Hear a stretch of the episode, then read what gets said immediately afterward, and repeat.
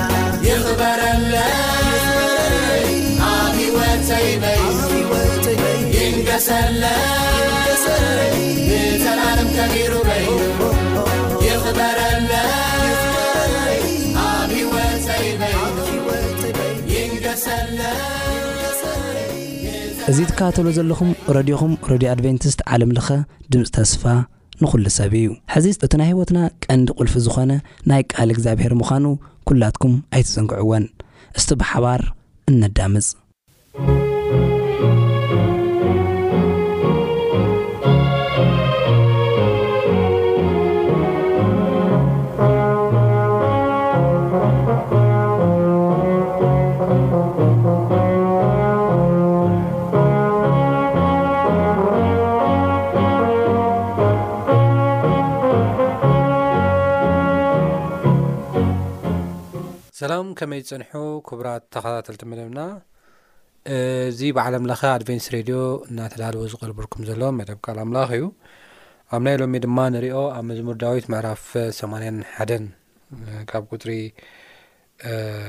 ሸሞንተ ዘሎ ሓሳብ ኢና ክንሪኦ ማለት እዩ ቅድሚ ኩሉ ግን እግዚኣብሔር ምእንቲ ከምህረናን ክመርሓናን ሕፅር ዝበለ ጸሎት ክንጽሊ ኢና እግዚኣብሔር ኣምላኽ ስለዚ ግዜን ሰዓትን ነመስግነካ ሕጂ ድማ ቓልካ ከፊትና ብ ነጽናዓሉ ዋን ንስኻ ምሳና ክትከውንን ከተምህረናን ኣስተውዒልና ድማ ምንባር ንክእለሉ ጸጋ ክተብዝሓልና ንልምን ዝተረፈ ግዜናን ሰዓትና ንባርኮ ብጎይታና መድሓና ኒስ ክርስቶስ ስም ኣሜን ከምዚ ይንበብ ዎ ህዝበይ ከስምረልካስ ስማዕ ዎ እስራኤል ኣይ እንተ ትሰምዓኒ ካልእ ኣምላኽ ኣብ ማእኸልካ ኣይኹን ንኻልእ ኣምላኽ ውን ኣይትስገድ ኣነ እግዚኣብሄር እቲ ኻብ ምድሪ ግብፂ ዘውፃእኹ ኣምላኽ እየ ኣፍካ ሃሃብ ብል እሞ ኣነ ውን ክመልኦ እየ ህዝበይ ግና ድምፀይ ኣይሰምዐን እስራኤል ድማ እሺ በለን ብምኽሪ ርእሶም ክመላለሱስ ካብ ፅንዓት ኣብ ጽንዓት ልቦም ሓደግክዎም። ኣየ ህዝበይ እንተ ትሰምዓኒ፣ እስራኤልስ ብመንገደይ እንተ ዝኸይድ፣ ንጸላእቶም ቀልጢፈ መዋረድክዎም፣ ኢደይ ናብ ተጻረርቶም ምመለስኩ። ንእግዚኣብሄር ጸላእቱ ምተገዝእዎ ነይሮም፣ ዘመኖም ከኣ ንዘለኣለም ምኾነ። ስብሒ ስርናይ መብላዕኩኻ፣ ካብ ከውሕስ መዓር መጽገብኩኻ ነይረ ይብል። ስለዚ ኣብዚ ሓሳብ እዚ ዘምህረና ነገር እንታይ እዩ? እቲ ቀዳማይ፣ እግዛብሄር ንህዝቡ ንኽባረኽ ንህዝቡ ንኽዕብይ ንህዝቡ ንኽድሕን ካብ ድልው ንላዕሊ ምዃኑ እዩ ዝነገረና ኣየ ህዝበይ ተትሰምዓኒ ዝብል ቃል ናይ እግዚኣብሄር ድልውነት ንህዝቡ ክባርኽ ንህዝቡ ከድሕን ንህዝቡ ድማ ልዕል ከብል ክብ ከብል ናይ እግዚኣብሄር ድልውነት ኢና ንርኢ ነገር ግን ናይ ህዝቢ ድልውነት የለን ናይ ህዝቢ እስራኤል ድልውነት የለን ህዝቢ እስራኤል ኣብ ካልእ እዩ ዘሎ ኣብ ቃል እግዚኣብሄር ዘይኮነስ ኣብ ካልእ እዩ ዘሎ ኣብ ካልእ ዕማሙ ኣብ ካልእ ስርሑ ኣብ ካል ንሱ ጥራሕ ግን ኣይኮነን ኣንጻር እግዚኣብሄር ፍቓድ ኣንጻር ቃል ኣምላኽ እናኸደ እዩ ዘሎ ህዝቢ እስራኤል ብፍላይ እቲ እግዚኣብሄር ዘቐመጦ ሪኳየርመንት ወይ ድማ እቲ እግዚኣብሄር ዘቐመጦ መመዘንታት እንታይ እዩ ዝብል እግዚኣብሄር ብጀካ ካልእ ኣምላኽ ኣብ ማእኸልካ ኣይኹን እዩ ዝብል ናይ መጀመርያ እስራኤል ግን ብጣኦታት ተኸቢቦም ካልኦት ኣማልኽቲ ተኸቢቦም እዮም ነይሮም ኣብዚ ግዜ እዚ ክሓድግዎ ይከኣልን እዚ ሓጢኣት እዚ ድማ ንሶም ካብ እግዝኣብሄር ከም ዝፈለዮም ኢና ንርኢ እዚ ማለት ልክዕ ከምቲ ኣብ ኢሳያስ ምዕራፍ ሓምሳን ትሽዓተን ፍቕዲ ሓደን ክልተን ዝብሎ ማለት ኢዩ ኢሳያስ ምዕራፍ ሓምሳን ትሽዓተን ሓደን ክልተን እንታይ እዩ ዝብል እንሆ ኢድ እግዚኣብሔር ንምድሓን ሓጻር ኣይኮነትን ከይሰምዕ ከኣ እዝናኑ ኣይጸንዖን እዩ ግና ከኣ ኣእዳውኩም ብደም ኣጻብዕኹም ብበደል ረኺሰን ከናፍርኩም ሓሶት ይዛረብ ልሳንኩም ከኣ ክፍኣት ይናገር ኣሎ እሞ ንኣኻትኩምን ንኣምላኹምን ኣብ መንጎኹም ኮይኑ ዝፈላለየኩምሲ ኣበሳኹም እዩ ይብለና ቃል እግዚኣብሔር ክዛረበና ከሎ ኣበሳኹም እዩ ንሱ ጥራሕ ኣይኮነን ከይሰምዓኩም ከኣብ ቅድሜኹም ገጹ ዝሓብኣልኩም ሓጢኣትኩም እዩ ይብለና መጽሓፍ ቅዱስ ክዛረበና ከሎ ብጽድቂ ዝጠርእ ሓደ እኳ የልቦን ብሓቂ ዝምኩት ሓደ እኳ የልቦን ኣብ ኩንትነት ይውከሉ ሓሶት ከኣ ይዛረቡ እከይ ይጠንሱ ሓጢኣት ይወልዱ ኣለዉ እንቃቕሖ ገበል ይሓቕፉ ዓለባ ኣሳሬት ከኣ ይኣልሙ። እቲ ካብ እንቃቑሖኦም ዝበልዕ ይመውት፣ ካብቲ እተጨፍለቐ ድማ መንደልቶ ይነቁሕ። ዓለቦም ክዳን ኣይከውንን፣ ብግብሮም ከኣ ኣይክኸዱን እዮም። ግብሮም ግብሪ እከይ እዩ፣ ኣብ ኣእዳዎም ድማ ግብሪ ዓመጻ ኣሎ። ኣእጋሮም ናብ እከይ ይጐያ፣ ንጹህ ደም ናብ ምፍሳስ ድማ ይቐልጠፋ። ሓሳቦም ሓሳብ እከይ እዩ፣ ጥፍኣትን ምዕናውን ኣብ መንገድታቶም ኣሎ። ንመንገዲ ሰላም ኣይፈለጥዋን፣ ኣብ ኣካይድኦም ቅንዕና የልቦን። ንመንገድታቶም ይጠዋውይዎ፣ እቲ ብኡ ዝኸይድ ዘበለ ንሰላም ከቶ ኣይፈልጣን እዩ። ስለዚ ቅንዕና ካባና ረሓቐ፣ ጽድቂ እውን ኣየርከበናን እዩ። ንብርሃን ንጽበ፣ እነሆ ኸኣ ጸልማት ኰነ። ንድሙቕ ብርሃን ንጽበ፣ ግናኸ ብጸልማት ኢና ንመላለስ ዘሎና። ከም ዕዉራት ንመንደቕ ሃሰስ እንብሎ፣ እወ፣ ከምቶም ዓይኒ ዘይብሎም ሃሰስ ንብል ኣሎና። ቀትሪ ኸሎስ ከም ብጊዜ ጽልግልግታ ደርገፍገፍ ንብል። ምስ ምሉእ ሓይልና ከሙታት ኮና፣ ኩላትና ከም ድብታት ንሃብብ፣ ከም ርግቢት ንቆዝም፣ ንቕንዕና ዝጽበ ኣሎና፣ ግናኸ የልቦን። ንምድሓን ንሱውን ካባና ርሑቕ እዩ። ገበንና ኣብ ቅድሜና ብዙሕ እዩ እሞ፣ ሓጢኣትና ድማ ይምስክረልና ኣሎ። ገበና ምሳና እዩ ዘሎ እሞ፣ ንኣበሳና ንፈልጦ ኢና። ካብ እግዚኣብሄር ዓሎና፣ ከሓድናዮውን፣ ንኣምላኽ ከይንስዕቦ ድማ ተዝሒጥና ግፍዕን ዕልወትን ተዛረብና። ዘረባ ሓሶት ጠኒስናስ ካብ ልብና ደርጓሕናዮ። ፍርዲ ድማ ንድሕሪት ኣቢሉ ተመልሰ። ጽድቂ ከኣ ኣብ ርሑቕ ቆመ። ሓቂ ካብ ኣደባባይ ወዲቑ'ዩ እሞ ቅንዕና ክኣቱ ኣይተኻእሎን። እወ ሓቂ ተሳእነ። እቲ ካብ እከይ ዝርሕቕ ድማ ርእሱ ንዘመተ ይውፊ። እግዚኣብሄር እዚ ረኣየ፣ ቅንዕና ስለ ዘዩልቦ ኸኣ ጓሕሔ። ደጊም ሓደ እኳ ከም ዘየልቦ ረኣየ፣ ሓደ እኳ ዝማልድ ስለ ተሳእነ ኸኣ ተገረመ። ሓደ እኳ ዝድዮ ዝብል የለን ብቕንዕና። ሽዑ ቅልጽሙ ረድኦ፣ ጽድቂውን ደገፎ። ንጽድቂ ኸም ድርዒ ገይሩ ተኸደኖ፣ ኣብ ርእሱ ድማ ናይ ምድሓን ቍርዓ ርእሳ ኣእተወ። ክዳን ምፍዳይ ሕነ ኸኣ ተወንዘፈ፣ ንጽንዓት ከም ባርኖስ ገይሩ ለፍፎ። ከከም ግብሮም ክፈድዮም እዩ፣ ኩራ ንተጻረርቱ ፍዳ ንጸላእቱን ደሴታትውን ፍዳ ክህብ እዩ እምበኣርሲ ስም እግዚኣብሄር ካብ ምዕራብ ክብሩ ኸኣ ካብ ምብራቕ ፀሓይ ክፍራሕ እዩ ንጸላእኸ ሙሒዝ ደሪኹ እንተ መጸ ትንፋስ እግዚኣብሄር ክሰጎ እዩ ንጽዮን ነቶም ካብ ምዕላዎም ናብ ያዕቆብ ዝምለሱ ተበጃዊ ክመጽእ እዩ ይብል እግዚኣብሄር ኣነስ ኪዳነይ ምሳታቶም እዚ እዩ ይብል እግዚኣብሄር እቲ ኣባኻ ዘሎ መንፈሰይን እቲ ኣብ ኣፍካ ዘንበርክዎን ቃላተይን ካብ ኣፍካ ወይስ ካብ ኣፍ ደቅኻ ወይስ ካብ ኣፍ ደቂ ደቅኻ ክሳዕ ሕጂ ክሳዕ ዘለኣለም ኣይከርሕቐን እዩ ይብል እግዚኣብሄር ይብለና ማለት እዩ ስለዚ እግዚኣብሄር ክባርኸና እኳ እንተደለየ እግዚኣብሄር ከድሕነና እኳ ድልው እንተኾነ ንኸድሕነና ድማ እኳ ቃል ኣምላኽ እንተ ሃበና መንገዱ እንተ ነገረና መንፈሱ ተለኣኸልና ሰብ ግን ክሰምዕ ኣይከኣለን ሰብ ግን ክሰምዕ ኣይከኣልና መዝሙር ዳዊት ከምኡ እዩ ዝብል ዘሎ ህዝበይ ግና ንድምፀይ ኣይሰምዖን ህዝበይ ግና ንድምፀይ ኣይሰምዖን እስራኤል ድማ እሺ ኣይበለን ይብለና ህዝበይ ድማ ንድምፀይ ኣይሰምዖን እስራኤል ድማ እሺ ኣይበለን ይብለና እንታይ እዩ እሺ ዘየበሎ ኣበይ እዩ ተወኪሉ እንታይ ይገብር ስለ ዝነበረ እዩ ኣበይ እምንትኦ ስለ ዝኾነ እዩ እሺ ዝበለ ኣብዚ ቅድሚ ኢለ ዘንበብክዎ ኣብ ኢሳያስ ምዕራፍ 59 ኬና ንርኢ ኣሉዋን እንታይ እዩ ዝብል ኣብ ከንቱነት ይውከሉ ይብለና ኣብ እግዚኣብሄር ምውካል ሓዲጎም ኣብ እግዚኣብሄር ምድጋፍ ሓዲጎም ኣብ ከንቱነት ይውከሉ ይብለና መፅሓፍ ቅዱስ ክዛረበና ኸል ምንም ህይወት ኣብ ዘይኮኖም ካብ ሓጢኣቶም ካብ ዘይድሕኖም ካብ ሕማሞም ካብ ሽግሮም ኣብ ዘይድሕኖም ነገር ይውከሉ ኣብ ጠፋኢ ነገር ኣብኡ ይውከሉ ኣብ ሓላፊ ነገር ይውከሉ ኣብ ሓላፊ ነገር ምውካል ድማ ነቲ ጎይታ ጎይቶ ዝኾነ ኣምላኽ ነቲ ኣምላኽ ኣማልኽቲ ዝኾነ ኣምላኽ ይርስዕዎ ቃል እውን ይገድፍዎ ቃሉ ኣብ ዝገደፍሉ እዋን እቲ ዝኸውን ነገር እንታይ እዩ ኢሳያስ ሓምሳን ሸዓተን ሕጂ ዝዛረበና እዩ ቀዳማይ ክዛረብ ከሎ ብዚ ብጽድቂ ዝጠርዕ የለን ብሓቂ ዝምኩድ ድማ የለን ሓሶት ይዛረቡ ይብለና እከይ ድማ ይጠንሱ ሓጢኣት ይወልዱ ኣለዉ እንቃቕሖ ገበል ይሓቕፉ ዓለባ ሳሬት ከኣ ይዓልሙ ኣለዉ እቲ ኣብ እንቋቑሖም ዝበልዕ ይመውት፣ ካብቲ እተጨፍለቐ ድማ መንደልቶ ይነቍሕ። ዓለባኦም ክዳን ኣይከውንን፣ ብግብሮም ኣይኪኸዱን እዮም። ግብሮም ግብሪ እከይ እዩ፣ ኣብ ኣእዳዎም ድማ ግብሪ ዓመጻ ኣሎ። ኣእጋሮም ናብ እከይ ይጐያ፣ ንጹህ ደም ናብ ምፍሳስ ከኣ የቐልጥፋ። ሓሳብ ሓሳቦም ሓሳብ እከይ እዩ፣ ጥፍኣትን ምዕናውን ድማ ኣብ መንገድታቶም ኣሎ።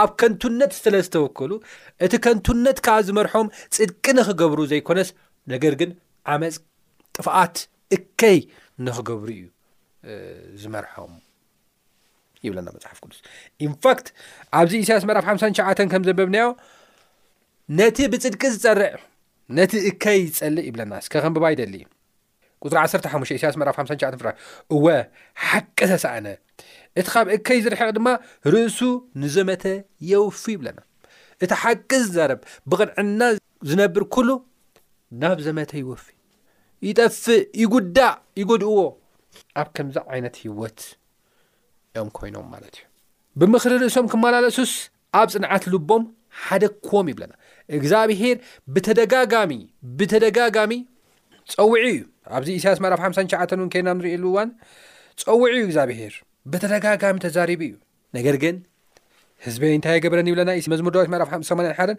ህዝበይ ንድምፀይ ኣይሰምዖን እስራኤል ድማ እሺ ኣይበለን ይብለና ብዙሕ ግዜ ተዛሪቡ እዩ ብዙሕ ግዜ ክምለሱ ናብ ሓቂ ክመፁ ተዛሪቡ እዩ እግዚኣብሄር ነገር ግን ንሶም ድምፁ ክሰምዑ ኣይከኣሉን መሓርቲ ክኾኑ ይከኣሉን ቅኑዓት ክኾኑ ይከኣሉን ከም ፍቓዱ ክመላለሱ ይከኣሉን ኣብ ኢሳያስ ምዕራፍ ሓ ሸ ድማ ከምዚ ኢሉ ከምተፃሓፈ ኢና ንርዩ ቁፅሪ ትሽዓተ ከንብብ ይደሊ። ስለዚ ቅንዕና ካባና ረሓቐ፣ ፅድቂ እውን ኣይርከበናን። ንብርሃን ንፅበ፣ እነሆ ኸዓ ፀልማት ኮነ። ንድሙቕ ብርሃን ንፅበ፣ ግናኸ ብፀልማት ኢና ንመላለስ ዘሎና። ንቕንዕና ንፅበ ኣሎና፣ ግናኸ የልቦን። ንምድሓን እውን ንፅበ ኣለና፣ ንሱ እውን ካባና ርሑቕ እዩ። ኢሉ ከም ተዛረበ እዩ ዝዛረበና። እቲ ውጽኢቱ እዚ ከም ዝኾነ ኢና ንርኢ።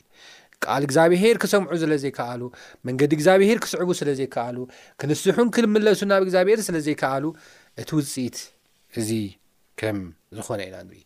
እግዚኣብሄር ክባርኾም እናደለየ፣ እግዚኣብሄር ከድሕኖም እናደለየ፣ እግዚኣብሄር ልዕል ከብሎም ክብ ከብሎም እናደለየ፣ ንሳቶም ግን ካብ ዘይምስምዖም ዝተላዕለ ካብ ኣምላኽ ከም ዝረሓቑ ኢና ንርኢ። ብምሉኦም ሓጢኣት ምግባሮም፣ ገበርቲ ዓመጽን ገበርቲ እከይን ምግባሮም ግን ናይ እግዚኣብሔር ጽድቂ ኣይጉድሎን እዩ። መጽሓፍ ቅዱስ ክዛረበና ከሎ ኣብ ኢሳያስ ምዕራፍ ሓምሳን ትሽዓተን ከይድና ኣብ ንርእየሉ እዋን ደጊም ሓደ እኳ ከም ዘየልቦ ረኣየ ይብለና እግዚኣብሔር። ሓደ እኳ ከም ዘየልቦ ረኣየ፣ ሓደ እኳ ዘማልድ ስለ ተሳእነ ከኣ ተገረመ። ሽዑ ቅልጽሙ ረድኦ፣ ጽድቁ እውን ደገፎ ይብለና። ምንም እኳ ኩሎም እንተ ዘንበሉ፣ ምንም እኳ ሓጢኣት እንተ ገበሩ፣ ምንም እኳ ካብ ፍቓድ ኣምላኽ እንተ ወጹ፣ ነገር ግን እንታይ ገበሮ ይብለና መጽሓፍ ቅዱስ ቀላጽሙ ረድኦ ጽድቁውን ደገፎ እግዚኣብሄር ግን ጻድቕ እዩ ኩሉ እንተዓለወ እኳ ኩሉ እከይ እንተገበረ እኳ ኩሉ ካብ ኣምላኽ እንተረሓቐ እኳ እግዚኣብሄር ግን እንታይ እዩ ጻድቕ እዩ እግዚኣብሄር መሓሪ እዩ እግዚኣብሄር ዓብዪ እዩ ፍቕሪ እዩ ፍቕሩ ካብዘይ ምርዳእ ዝተላዕለ ኣንጻር እግዚኣብሄር ኣምላኽ እኳ ተኸደ ማሕበረሰብ እግዚኣብሄር ግን ፃደቕ እዩ መፅሓፍ ቅዱስ ከምኡ እዩ ዝብለና ቀላፅሙ ረዶ ፅድቁ ረዶ ፅድቁ ደገፎ ይብለና ፅድቁ ደገፉ ወኩሉ ተዓለወ እግዚኣብሄር ግን ፅድቁ ደገፉ ብፅድቁ ከዓ እንደገና ክፈርድ ናይ ፅድቂ ድርዒ ከም ዝተኸድነ ኢና ንርኢ ርግፅ እዩ እዚ ናይ ኢሳያስ ዘረባ ከይድና ክንርኢ ከለና ይሁዳ ናብ ባቢሎን ከም ዝማረኽ ንሰብዓ ዓመት ንክማርኹ ከም ተወሰነ ውሳኔ ቅድሚ ምሳኑ ዝተገብረ እዩ ድሓር ከም ተወሰነ ኢና ንርኢ ቅድሚ ብዙሕ ዓመታት እዩ ይሁዳ ናብ ባቢሎን ከም ዝማረኹ ተወሲኑ ነይሩ ናብ ምርኮን ናብ ብዝበዛን ናብ ቅፅዓትን ናብ ሞትን ከም ዝኣተወቲ ህዝቢ ድማ ኢና ንርኢ ማለት እዩ ስለዚ ናይ እስራኤል ታሪክ ሓሊፉስ ሓሊፉ ጥራሕ ግን ኣይተረፈን ሕጂ ውን ንዓና ንትምህርትና ደው ኢሉ ይነግረና ኣሎ ካብ እስራኤል ንመሃሮ ነገር እንታይ እዩ ሎሚ ውን ከም ህዝቢ እግዚኣብሄር ክባርኸና ክዛረብ ከሎ መዝሙር ዳዊት ምዕራፍ 84 ቁፅሪ 16 ስብሒ ስርናይ መብላዕኹኻ ካብ ከውሕስ መዓር መፅገብኩኻ ነይረ ንፀላእትኻ ቀልጢፈ መዋረድክዎም ኢደይ ናብ ተፃረርቶም መመለስኩ ንእግዚኣብሄር ንእግዚኣብሄር ፀላእቱ ምተገዝእዎም ነይሮም ዘመኖም ከዓ ንዘለኣለም ምኾነ ኢሉ እግዚኣብሄር ክባርኸና ከም ዝደሊ ሕጂ እውን እዩ ዝዛረብ ዘሎ። ናይ እስራኤል ታሪኽ ግን፣ ናይ እስራኤል ልበ ደንዳናነት ግን ኣብ ህይወትና ክድገም የብሉን። ለባም ካብ ካልኦት ሰብ ውድቀት ይመሃር፣ ዓሻ ግን ካብ ውድቀቱ ይመሃር። ከም ዝበሃል ብብሂል ደረጃ ለባማት ክንከውን ይግባኣና እዩ ካብ ናይ እስራኤል ውድቀት ክንምሃር ይግባኣና እዩ ኣብ መፅሓፍ ቅዱስ እስራኤል ከመይ ዝኣመሰለ ክብሪ ከመይ ዝኣመሰለ ዓብ ኣምላኽ እናኣምለኹ ነገር ግን ንምርኮ ከም ዝተወፈዩ ንሕና ውን ክንውፈ ይግብኣና እዩ ካብኦም ክንመሃር ይግብኣና እዩ ካብ ሓጢኣትና ክንምለስ ካብ መንገድና ክንምለስ ናብ እግዚኣብሔር ክንመጽእ ቃል እግዚኣብሔር ከነንብብ ቃል እግዚኣብሔር ክንሰምዕ ንዕውን ክንእዘዞ ይግባ እዩ እግዚኣብሔር ኪንዮ እዚ ምድራዊ ዝኾነ ነገር ኪንዮ እዚ ሓላፊ ነገር ዘይሓልፍ ክብሪ እውን እግዚኣብሔር ኣዳልልና ኣሎ እዩ ቀዳማይ ኮሮንቶስ ምዕራፍ ክልተ ፍቅዲ ትሽዓተ ኩሉ ግዜ ዝጠቕሶ ጥቕሲ ኣሎ ዓይኒ ዘይረኣዮ እዝኒ ዘይሰምዖ ኣብ ልቢ ሰብ እውን ዘይተሓስበ እግዚኣብሄር ነቶም ዝፈትዎ ኣዳልዩሎም ኣሎ። ክንሓስቦ ዘይንኽእል ካብ ኣእምሮና ንላዕሊ ዝኾነ ክብሪ እግዚኣብሄር ነቶም ዝፈትዎ ኣዳልዩሎም ኣሎ። ኪንዮ እዚ ሓላፊ ክብሪ፣ ኪንዮ እዚ ጠፋኢ ክብሪ፣ ኣብዚ ዓለም ዘሎ ክብሪ ኩሉ ሓላፊ እዩ። ኣብዚ ዓለም ዘሎ ዝና ኩሉ ሓላፊ እዩ። ኣብዚ ዓለም ዘሎ ሃብቲ ኩሉ ሓላፊ እዩ ኣድላይ ክኸውን ይኽእል እዩ ንግዜኡ ግን ሓላፊ እዩ ኣብኡ ግን ክንውከል የብልናን እስራኤላውያን ኣብኡ እዮም ተወኪሎም ኣብቲ ሓላፊ ነገር ኣብቲ ሓላፊ ሃብቲ ኣብቲ ሓላፊ ክብሪ ኣብቲ ሓላፊ ስልጣን እዮም ተወኪሎም ንእግዚኣብሄር ገዲፎም ኣብኡ ክውከሉ ከሎ እዮም ከዓ እቲ ሓጢኣት ጀሚሮም ኣብ ከንቱነት ክውከሉ ከለዉ እዮም ከዓ እቲ ሽግር ዝመፀ ንሕና ውን ኣብዚ ሓላፊ ነገር ክንውከድ የብልናን ንእግዚኣብሄር እናመስገና ንዕኡ ክብሪ እናሃብና ናብቲ ትእዛዙ ናብቲ እሱ ዝብለና ነገር እናቐረብና እናሰማዕና እናተኣዘዝና ክንነብር ይግብኣና እዩ እግዚኣብሄር ናይ ተስፋ ቓል ኣለዎ እዩ ኣብ ካልኣይ ዜና መዋእል ምዕራፍ ሸውዓተ ፍቕዲ ዓሰርተ ኣርባዕተ ከምዚ ይብል እዚ ብስመይ እተፀውዐ ህዝበይ ወይ ድማ እዚ ብስመይ እተሰመየ ህዝበይ ከኣ ትሕት እንተ በለ፣ እንተ ለመነ፣ ገጸይ እንተ ደለየ፣ ካብ ከፉእ መንገዱ ኸኣ እንተ ተመልሰ፣ ሽዑኡ ኣነ ካብ ሰማይ ክሰምዖ እየ፣ ሓጢኣቶም ከኣ ይቕረ ክብለሎም እየ፣ ምድሮም ድማ ክፍውሰሎም እየ። ሕጂ ኸኣ ኣብዛ ቦታ እዚኣ ንጽለ ጸሎት ኣዒንተይ ክኽፈታ፣ ኣእዛነይ ድማ ጽን ክብላ እየን ይብል መጽሓፍ ቅዱስ ክዛረበና ከሎ። እንተ ደኣ ተመሊስና እንታይ ክገብረና እዩ እግዚኣብሔር? ይቕረ ክብለልና እዩ ሓጢኣትና ይቕረ ኢሉ ምድርና ክፍውሰልና እዩ ምድርና ክፍውሰልና እዩ ክባረኸና እዩ ከምቲ ቅድም ኢለ ዘንበብክዎ ስብሒ ስርናይ ከብልዓና እዩ ካብ ከውሓ መዓር ከጽግበና እዩ ሽግር ዝበሃል ኣይከህሎ እዚ ናይ ተስፋ ቓል ኣሎና እዚ ናይ ተስፋ ቓል ሒዝና ኢና ድማ ንሕና ክንመላለስ ክንነብር ዝግብኣና እግዚኣብሄር ድሉው እዩ፣ ትማሊ እውን ድሉው ነይሩ ንእስራኤላውያን ክባርኽ፣ ሕጂ እውን ድሉው እዩ። እሞ በዚ መልክዕ እዚ ንሕና ኸኣ ናብ እግዚኣብሄር ክንቀርብ ይግብኣና እዩ። ኣብ ኢሳያስ ምዕራፍ ዕስራን ኣርባዕተን እግዚኣብሄር ከም ተስፋ ቃሉ ክገብሮ እየ ኢሉ ኣብ ኢሳያስ ምዕራፍ ዕስራን ኣርባዕተን ክዛረብ ከሎ ኢና ንርኢ። ኢሳያስ ምዕራፍ ዕስራን ኣርባዕተን እስከ ንርአ እንታይ ይብል? እንሆ፣ ኣነ ሓድሽ ሰማይን ሓድሽ ምድርን ክፈጥር እየ፣ እቲ ናይ ቀደም ኣይክዝከርን እዩ፣ ኣብ ልበይ እውን ኣይክሕሰብ እዩ ምስ በለ፣ እዚ ብዛዕባት ናይ መወዳእታ ዘመን ምስ ተዛረበ፣ ግናኸ እንሆ፣ ኢየሩሳሌም ይብል፣ ግናኸ ይብል፣ ሕጂ ናብቲ ምድራዊ ክመጽእ ከሎ፣ እወ ሓድሽ ሰማይን ሓድሽ ምድርን ክፈጥር እየ፣ ግናኸ ቅድሚ ሓድሽ ሰማይን ሓድሽ ምድርን ምፍጣር ግናኸ ይብል ዘሎ፣ እንሆ ኢየሩሳሌም ንእልልታ ህዝባ ከኣ ንሓጎስ ክፈጥር እየ፣ ገና ቅድሚኡ ማለት ቅድሚ እቲ ክብሪ እቲ እሞ በቲ ዝፈጥሮ ክትሕጎሱ ንዘላለም ደስ ክብለኩምን እዩ ኣን ድማ ኣብ እዮርሳሌም እልል ክብል ብህዝበይ ውን ደስ ክብለኒ እዩ ድምጺ ብኽያትን ድምጺ ኣውያትን ድሕሪ እዚ ኸኣ ኣይክሰማዕን እዩ ሚእቲ ዓመት ጌሩ ዝሞት ብንእስነቱ ይመውት ሓጢኣተኛ ኸኣ ሚእቲ ዓመት ምስ ገበረ እዩ ዝረገም እሞ ድሕሪ እዚ ሓጺር ዘዕምሩ ህጻን ዕድሚኡ ዘይበጽሐ ኣረጊት ኣይክርከብን እዩ ኣባይቲ ክሰርሑን ክነብሩን ክበልዑን እዮም እዚ ገና ኣብዚ ምድራዊ እንተ ኢዮርሳሌም እንተ ይሁዳ ንእስራኤል እንተ ሰሚዕዎ እንተ ተኣዚዝዎ ዝግበረሎም ነገር እዩ ኣባይቲ ክሰርሑን ክነብርሎምን እዮም ኣታክልቲ ወይኒ ክተኽሉ ፍሪውን ክበልዑ እዮም ዕድመ ህዝበይ ድማ